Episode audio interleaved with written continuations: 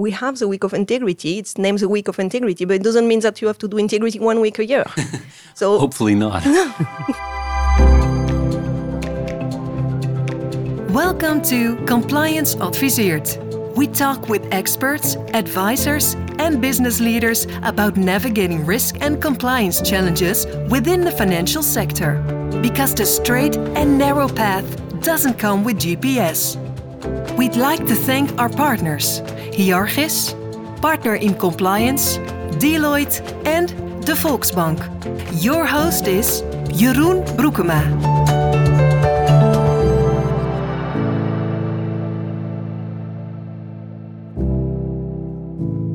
Welcome, listeners, to a new episode of Compliance Adviseert. This week with Michelle Fisser. She's the founder and owner of Compliance in Motion and chairwoman of the board of the Dutch Association of Compliance Professionals.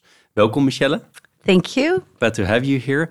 Um, as well as Laure Jacquier. She is the Director General, International Chamber of Commerce in the Netherlands. Welcome as well. Thank you. Great to have you guys both here in the podcast.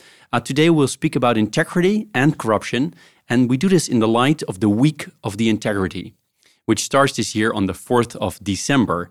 I remember last year uh, we also did a podcast around the Week of Integrity. And I find this a very important topic, obviously, especially for this podcast. So, first of all, i love to hear more about you guys. So, maybe Laura, you could take the floor and introduce yourself in a bit more detail than what I just did. Yeah, thank you. So I'm a French, French uh, jurist, and I uh, live already more than 20 years uh, in the Netherlands. And the last uh, 17 years I've been working for Damen Shipyard, a shipbuilding company. And um, in the last year I was working for our sustainability strategy. So I'm not from the world of compliance. I've experienced compliance from different aspects, but I didn't work in the compliance department. And yeah, so I have more of a corporate approach to uh, compliance. Right. And uh, we spoke a little bit just before this podcast. Your Dutch is actually really good, but we do this in English. And the reason is? Because ICC is an international company representing yeah, um, 45 million business worldwide. So I think it's great if we can share also this podcast in the international community. Right. And could you tell, just for listeners that are not aware, but the ICC, it's a very, I mean, it's a large global organization, but could you tell, speak a bit more to it? What does the ICC do? Well, I think um, I'm only working two months for ICC, and I think you can best describe it as an octopus that is trying to make international trade possible. And um, there is three main aspects of it. First, um, advocacy, international policies. Then you have the World Chamber of Commerce. So it's making the interaction between countries clean, transparent. And you have also uh, arbitration and dispute resolution. So it's about conflict resolution between uh, companies on projects without the court. Right. In the relationship with the Week of Integrity, are you that are you the organizers or other people the organizer? You're part of it, just to get that clear. Yeah. So ICC initiated the Week of Integrity, but it's a different. It's a foundation. There is nobody on the payroll of the foundation. It's really only volunteers working at the Week of Integrity and we are supporting it and trying to organize it. But the Week of Integrity is based really on partners initiatives. So our partners, like Michelle here, are organizing events um, in the week, but also through all the years, they are sharing initiatives on the integrity, compliance, ethics.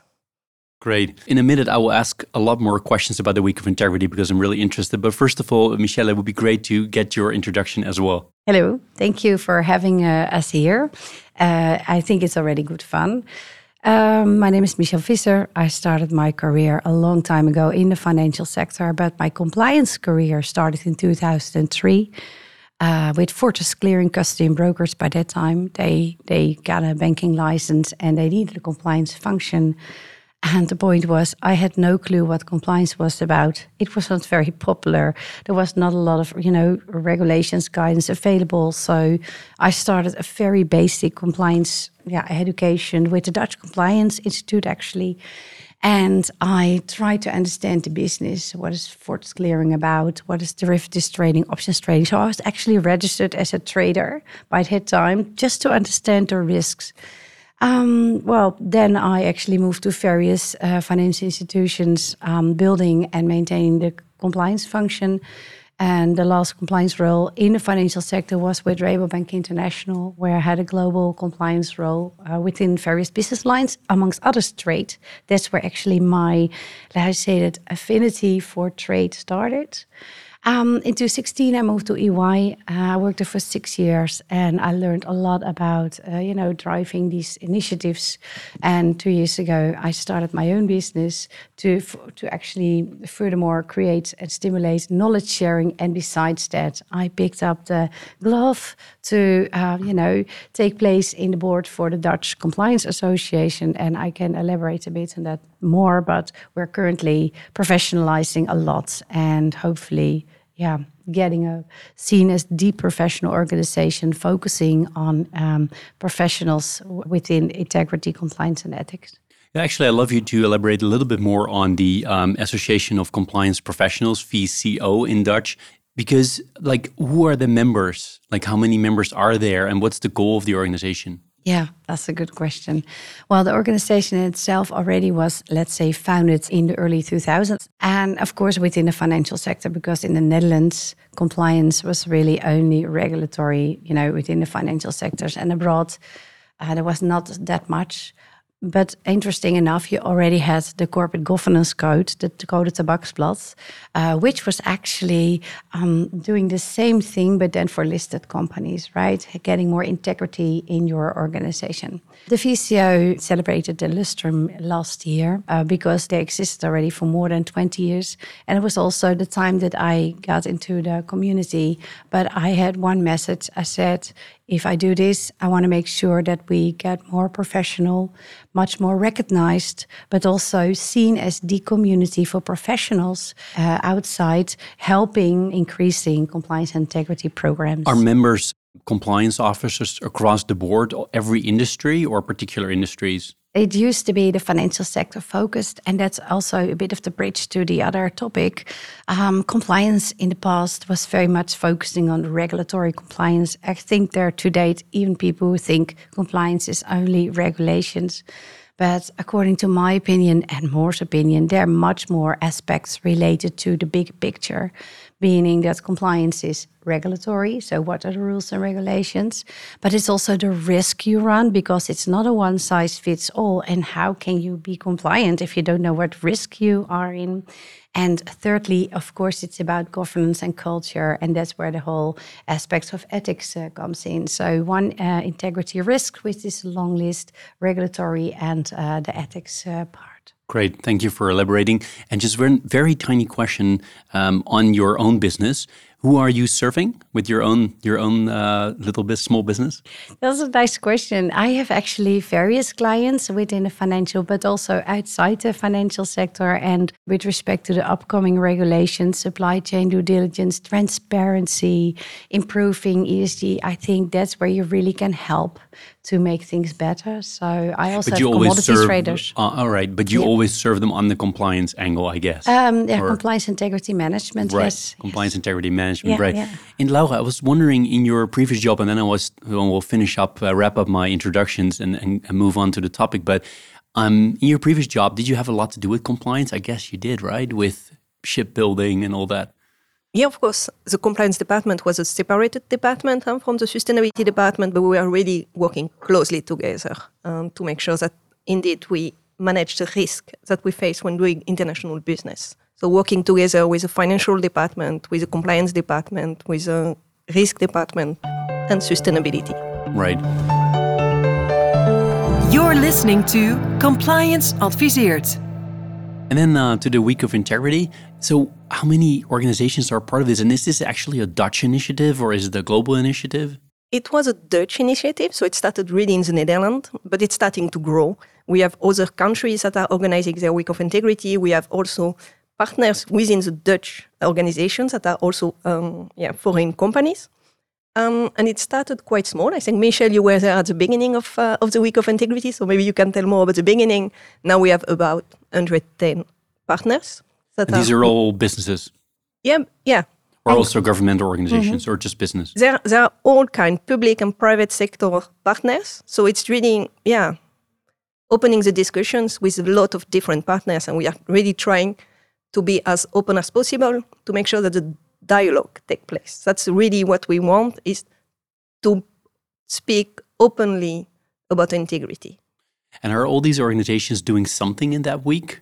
Or are some just putting their brand on there but not really acting on it? And are, you know, you mentioned over 100 organizations, right? But that means that there are also hundreds that are not part of it.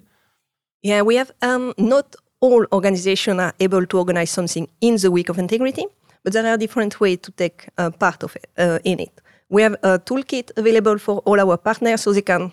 It's kind of zero excuse uh, toolkit. So they have posters, they have uh, posts that they can publish, a lot of yeah tools that they can use in the week. We have really very active partners that are organizing like amazing activities inside the organization or also outside to open public. But of course, you always have um, partners that are maybe also doing things some other place of the year. I mean, we have the week of integrity. It's named the week of integrity, but it doesn't mean that you have to do integrity one week a year. so hopefully not. so um, maybe in different branches, for example, they have their own week of integrity, and if they are doing their activity in that week, but they are supporting the initiative of the week of integrity, then they are also welcome, of course. It's not like you have to do something in that week to be part right. of it. You have to be open for it. You have to show leadership and speak openly about integrity. That's what we are looking for. But that means that, uh, to my other question, there's still a lot of organizations that are not part of it. Um, you're trying to get them on board, or is that an active approach, or just waiting till others are joining? It's not, and we are not overly active in trying to call everyone and trying to get them on board. Absolutely not. Um, I think it's something that a company feels mature or interested enough that they want to participate into it. What I do see is that some companies uh, don't want to participate because they don't dare to talk about integrity, about corruption, because they don't want to be associated with the word. And I think that's really a problem. Because um, they're scared? Yeah, I think it, it, it takes courage, even in the Netherlands, to talk about anti corruption. I think that companies that are partners and are saying, I'm a partner of the Week of Integrity, I want to talk about integrity, I want to talk about corruption, they are taking, yeah, they are taking a risk, they are taking a lead because you need to be a little bit vulnerable, right? Yeah. To actually even use the word because people think, hey, corruption, that's not something in my backyard, right? That yeah. happens somewhere, somewhere else, maybe in yeah. another country, maybe with another business, but not with me. Exactly. And, and people don't want to be associated with it. And it has a negative connotation. And I think it's important to recognize that there is, there is still a lot of corruption uh, in the Netherlands, but also if you do international trade, it happens. And I think if we don't talk about it, if we don't make it easy for companies, for, for public and private sector to discuss it, it's not going to solve itself. And the rule of law is really important. Absolutely, we need a legal framework, but we also need something else. And we need to show that there is a business case for doing anti-corruption. Well, I mean, that that does, you know, begs the question: what what is the business case around this? What you have to do to look when you want to um, to talk about the business case of anti-corruption is that you have to look in the long term. So what often happens, for example, when I was uh, traveling to Vietnam, um, the police officer they get a part of the salary with the uh, fines they are dealing out. So it's interesting that that's their um, target to give a fine. But if they get some small money, it's better for them so the immediate reward is to have the small money. So right, that will incentive. lead to yeah, that will lead to corruption. And what you want to do is to look at the long-term picture. So to make sure that it's more interesting for people to not do corruption. And when you look at the long term, hmm, when you start with something small, some small corruption, some people will hear about it. And then it will escalate. And you will not have the trust, you will not feel safe anymore. But is one of the things you need to do then is pay them more in this example? Pay the policemen more so they don't, don't need to take bribes? Yeah, you have to look at the, at the yeah, indeed. Um, we talk about um, living wage, for example.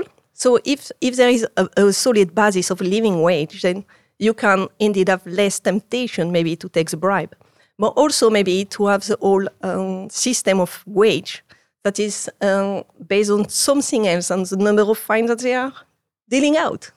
I mean, it's, it's different system. Right. And before we go into this topic, because I'm already doing this a little bit, but I just want to ask one practical question about the week integrity before I forget, which is what are the things um, that your members, quote unquote, are organizing this week? Is it um, apart from podcasts, which is really important, but uh, what are the things that are happening in this week? Uh, you have a, a, lot of uh, webinar and um, presentation, but also some um, some of our partners are organizing uh, trainings, are giving uh, trainings uh, away to, to other companies. We have also, of course, uh, Michelle, that is organizing a roadshow uh, in the week. So a lot of very different uh, initiatives. Right. So it's a lot about awareness, Michelle, but in my view at least. But does it make a difference? Awareness because ultimately something really needs to needs to happen right before something changes. Is awareness really helpful? You should see it from multiple angles. It is absolutely awareness that was the word i was looking for. So i said i'm going to add that if it hasn't been mentioned by you. Uh, but it's also giving practical tooling. And uh, yes, uh, I think this initiative has been mainly driven in, well, 2017 or 16 already by the anti corruption committee of the ICC Netherlands. I've been part of that uh, as well. But it was also the time that ICC created a business integrity companion, where actually guidance has been um, issued how to deal with certain situations, because sometimes corruption locally mainly cannot always be avoided. It depends also on the safety of persons, and there's so many dependencies, and therefore it's a very different topic. But what I'd like to add is that integrity is not only about the corruption risks. Uh, it depends on the yeah the organization you're in, the business, the sector. There are many levels of integrity. So if you go to the financial sector, they sum the DNB summarized very properly what the integrity risk may be. It's also money laundering, sanctions, export controls.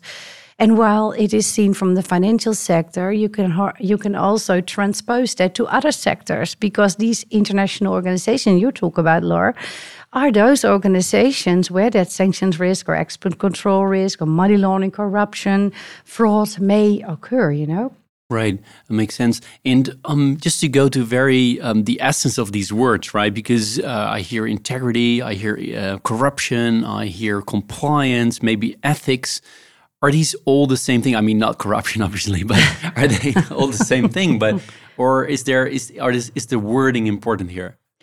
Well, I think if you ask a professor who actually studied on this, they will maybe say, Michelle, you're not right. But to be honest, I think at the end, it depends a bit in which sector you operate, in which industry. Uh, if you go to the public sector, for example, they talk always about integrity or integrity director. If you speak compliance, you speak about uh, market abuse and you need to report in your personal transactions. Uh, at least that's what I experienced um, to date.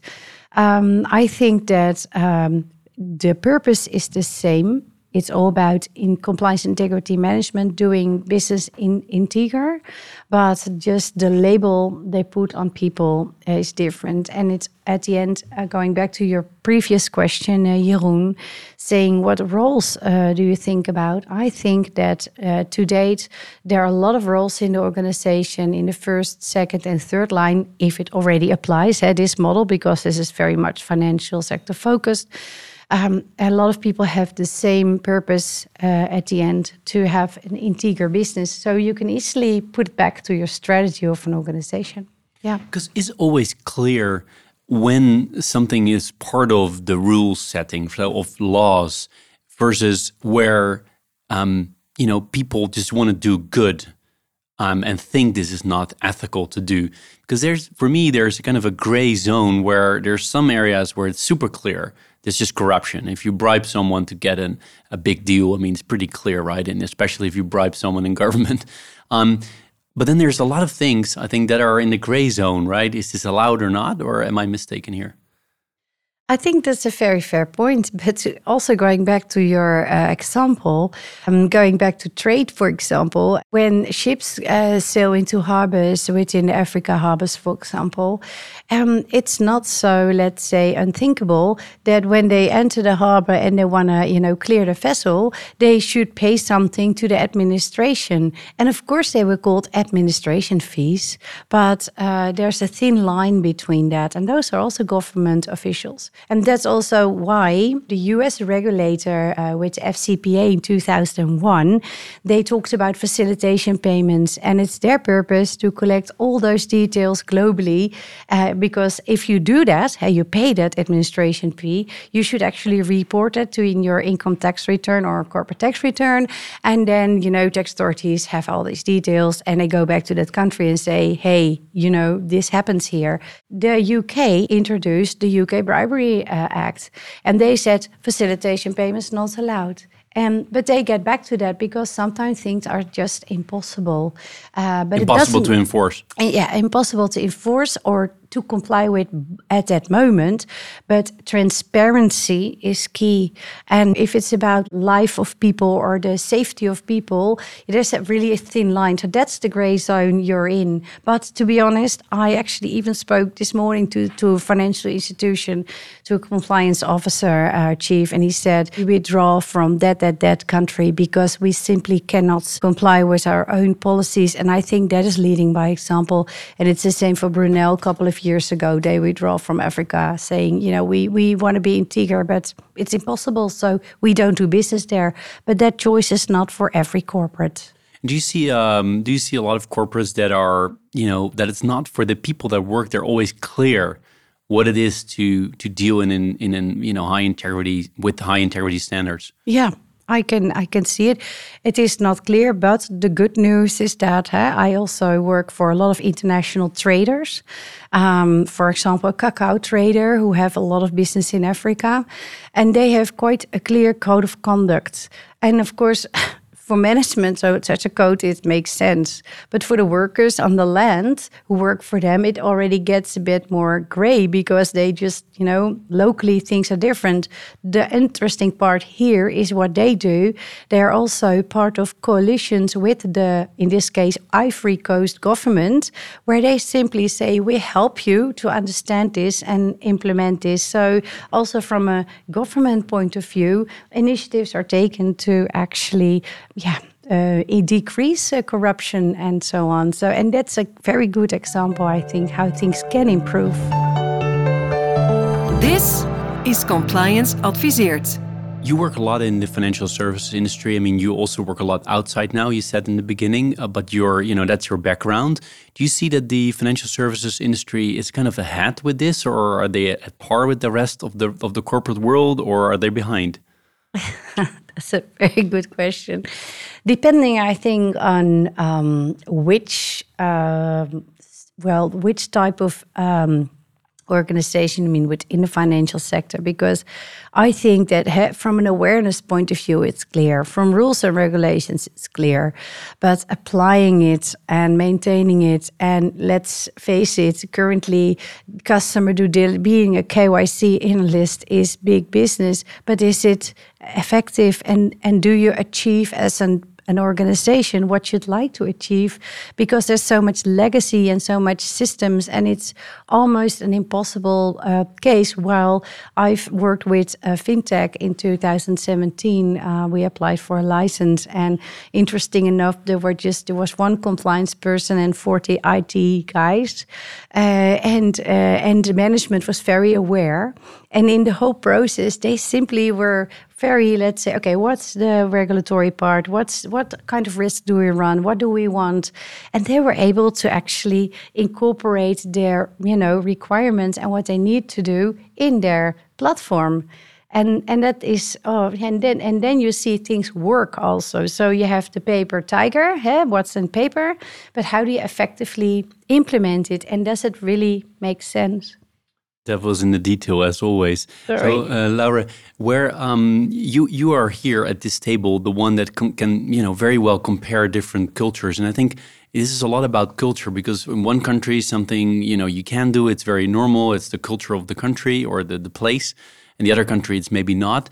Uh, at least you can compare to Western European countries, with France your being your home country, and then the Netherlands being your kind of home country almost. I would say after being here for a long time. Just, so, so is that a, is that an example where you already see difference? Let alone if you compare France or the Netherlands with maybe Russia or Nigeria or any any other country in the world. Yeah, I think uh, this kind of definition are very much depending on the culture. Um, and you're, you talk about countries, but even if you talk about uh, cities, I grew up in Marseille. And when I was young, actually, I, I was born in the same year as the uh, ICC anti-corruption uh, guidance. so I was born with it. But uh, I grew up with uh, Bernard Tapie. That's, he was very famous. He was a kind of a hero in, in Marseille. You know, he, he really meant something for people when I was growing up. So what he was doing for us was the way to go. And um, I think it shaped the way of thinking for, for a lot of people. How you grow up, which kind of education you have. So I think uh, if you want to change things, that's also what you have to look at is the whole education system and how integrity is talked about at school, not at all. But is it different, for example, where you grew up in terms of like integrity or corruption, like how people think about these topics than it's, for example, here? Yeah, I it's different in time as well, right? So it's Yeah, not a fair comparison, but yeah, it's different in, in time, definitively. I mean, today we have our definition of integrity, but we don't know what's going to be in 10 years. And I think it will also very much depend of the geopolitical switch that we are that we are making and what will be the new definition of integrity in a few years. But it's also depend, of course, of uh, yeah, your own culture and where you grew up. And, and do you have an example of a difference between France and Netherlands, for example? I'm just curious. Oh, that's a good question. Mm, now I'll have to think about it. Yeah. Yeah. That's interesting. I think uh, one thing you said before we started the podcast, which I found very um, a very good example, is how thinking about these topics changes over time. Is that you uh, fairly recently you could deduct a bribe, right, from your tax Yeah. statement, which is I think maybe you know the exact date. I know thirty years ago or something, you could still do that, and that's that's not even a long time ago, right? No, it's it, it's really recent uh, that you could deduct uh, yeah bribery from your tax. Uh, your tax and so so Yeah. Thinking about these topics changes over time right so you need to as a corporate business which maybe operates in you know 100 countries in the world you need to de- deal with all these different cultures i think that makes it really difficult right i don't know if one of you wants to speak to this but Yeah, it, it makes it very difficult. And I think um, my experience uh, at Damen, but it's it's a large corporate. You can do something uh, about it. Let's. But I think for SMEs doing business abroad, and there's a lot of Dutch SMEs that are trading outside the Netherlands. That's really more complicated. You don't have a compliance officer that is uh, that you can call and ask, you know, which kind of document do I have to have? And, uh, they are asking me to pay this. Is it normal or is it not normal? So I think the whole problematic also for small enterprises is huge for Dutch companies. I agree.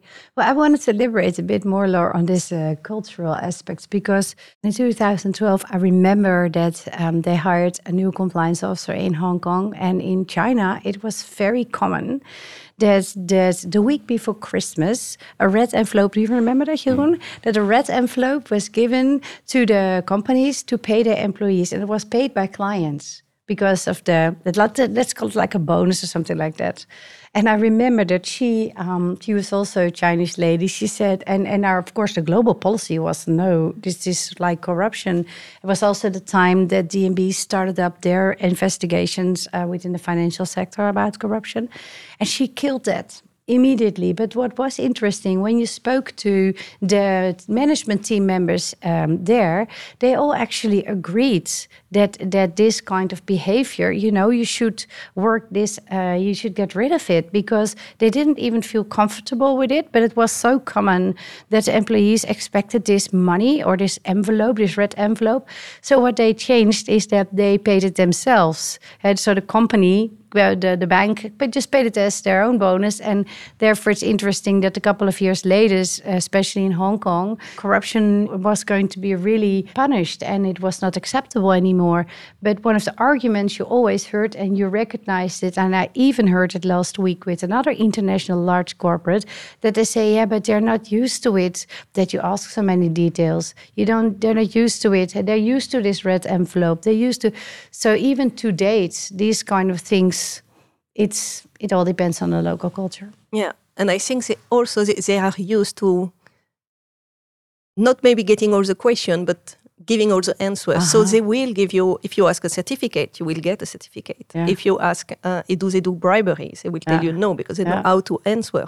But the situation is a reality can be quite different. Mm-hmm. Absolutely. So they help you actually, the one that wants to work with bribes and stuff, they help you actually to kind of cover it up here. Yeah, of course. Yeah, which makes it even harder because you feel like you have everything in place. You're complying with laws and le- yeah. reg- local regulations and yeah. stuff. Again, especially for SMEs that will think, okay, I need to be compliant, so I need to have this certificate. But having this certificate doesn't mean you are working with integrity. Yeah. It just means that you are compliant on paper. And this is this is all what we're talking about is all about international trade, right, with other countries. But I'm just curious. Uh, I think we we all a lot of people in the Netherlands think that there's not much corruption here. I'm I'm not in that camp. I think there's actually much more than we think. And um, do you agree with that? That in an, even in the Netherlands, there's you know even without dealing with other countries, purely within the country, um, there is actually more corruption than a lot of people think. And it's hard to measure. Um, yeah. Well, it depends. Of course, if you call it corruption, you have the definition of corruption. But I. But for me, there's some kind of government involved at some point. At, at what where I'm mm. talking about that, mm. that, there's some kind of government okay. institution part of it. Not not just fraud, but corruption is for me is, is government related. But you may disagree. But yeah, because it's uh, it's is it the corruption? Is it the conflict of interest? I think you should organize another podcast about that yeah. because it's a very detailed uh, detailed discussion. But yeah. may i go back to one of your um, Laura? Because i think that especially uh, what we talked about also is that the gatekeepers function which is now still with the financial sector eh, there because everything is on a bank should monitor what the clients are doing. And that's also of course uh, to date quite a challenge. But you, fortunately, due to the new ESG regulations, especially this supply chain due diligence um, Act, for example, you finally see that these uh, role and responsibilities are going to move also on the uh, corporate sector and not just the large ones, because that's, of course, where the formal uh, mandatory requirements are for, but also on the SME at the end. And that is all, that is what we as a compliance community would like to create awareness about. So going back to the week of integrity, nice circle, right? I think that this is where we want to ask, and that is exactly what you said, Laura. We want to ask attention for and help them. Where what is your where are there's your still risks? a lot of awareness work Absolutely. to do there. Absolutely, and that's yeah. also your question. Where yes, there's a lot of awareness uh, work to do, but there's also a lot of sources already, also from the government, but also yeah, from ICC. There are really a lot of public, free, open sources with information to get uh, yeah, hands and feet or guidance. Because do you do you feel like um, that a lot of corporates, but definitely SMEs will also actually get in trouble because of enforcement at some point. Because now it's still a lot of things that are coming, a lot of laws and regulations, especially from from Europe, going into to corporates, like let's let's say sustainable uh, finance regulation or. Uh, or supply chain um, uh, uh, regulations and so forth and so forth. But my point is, will there at some point actually there will be enforcement and they there will be a lot of businesses in trouble? Yeah, well, yes, of course there will be enforcement, but uh, A, that takes time. And B, it depends in which country you are. Because if I give export controls as an example, eh, which are, for, for example, uh, for dual use goods uh, and, you know, asking for the licenses. Um, if you look at Germany, there's a huge, you know, team of enforcement and people who look if the German companies comply with, uh, and same as US. But in the Netherlands, uh, I think there's a very small team for the whole of Netherlands. Well, the Netherlands has such a big uh, export country. Um, so it's so easy for the Netherlands to use the Netherlands actually as a route. I don't want to give, let's say, some, but that's the whole problem. There, there, there's hardly enforcement. So at um, you know at the front, then it looks like a paper tiger because the small, even the smaller companies who do not oversee the risk that much, they think, oh, nobody's going to catch us. We will always get away with it. So that won't change. And that's where the danger is and going the devil is in the detail you already mentioned it but uh, that's where things may go wrong and then your company is gone because these are the smes it's not a large company with millions and millions of you know turnover on an annual basis no it's a small company smaller companies and your reputation when it's killed you're gone Right. Or you can be in jail, actually. There have been a lot of people already in jail, but that's not published. So if you go to the US, people get really and you know caught and are in jail for breaching export or sanction controls. Yeah, I think the US is famous for their extraterritorial reach and actually enforcing on those things. But that's a, also a very uh, different topic. Before I'm going to ask you where we can find more information about the Week of Integrity, I'd love to ask you actually, it's already uh, uh, about time to wrap up this podcast. But is there something we should really have mentioned here today, which I have not touched upon? I'm asking the question to the both of you. I mean, if there's something you'd love to add, it's obviously many angles we could go into more detail, but maybe for this podcast session, there's something we should have mentioned. Well, maybe it's not for the week of integrity, but I'd like to ask some uh, attention for the compliance uh, and ethics uh, integrity community. Just take a look at the website to see what's there. And we're here for knowledge sharing. And I think it's the same for the ICC. You have a lot of information available already.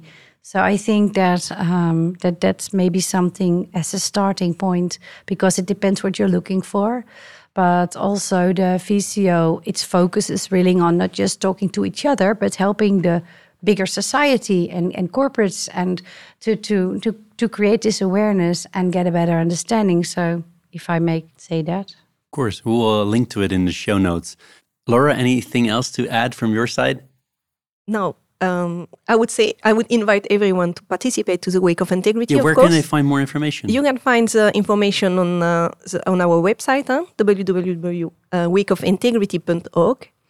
And um, and of course, we have the opening session that is online, open to everyone. So anybody listening to this podcast can attend the opening uh, session. And we have also the closing conference that is uh, in Madurodam.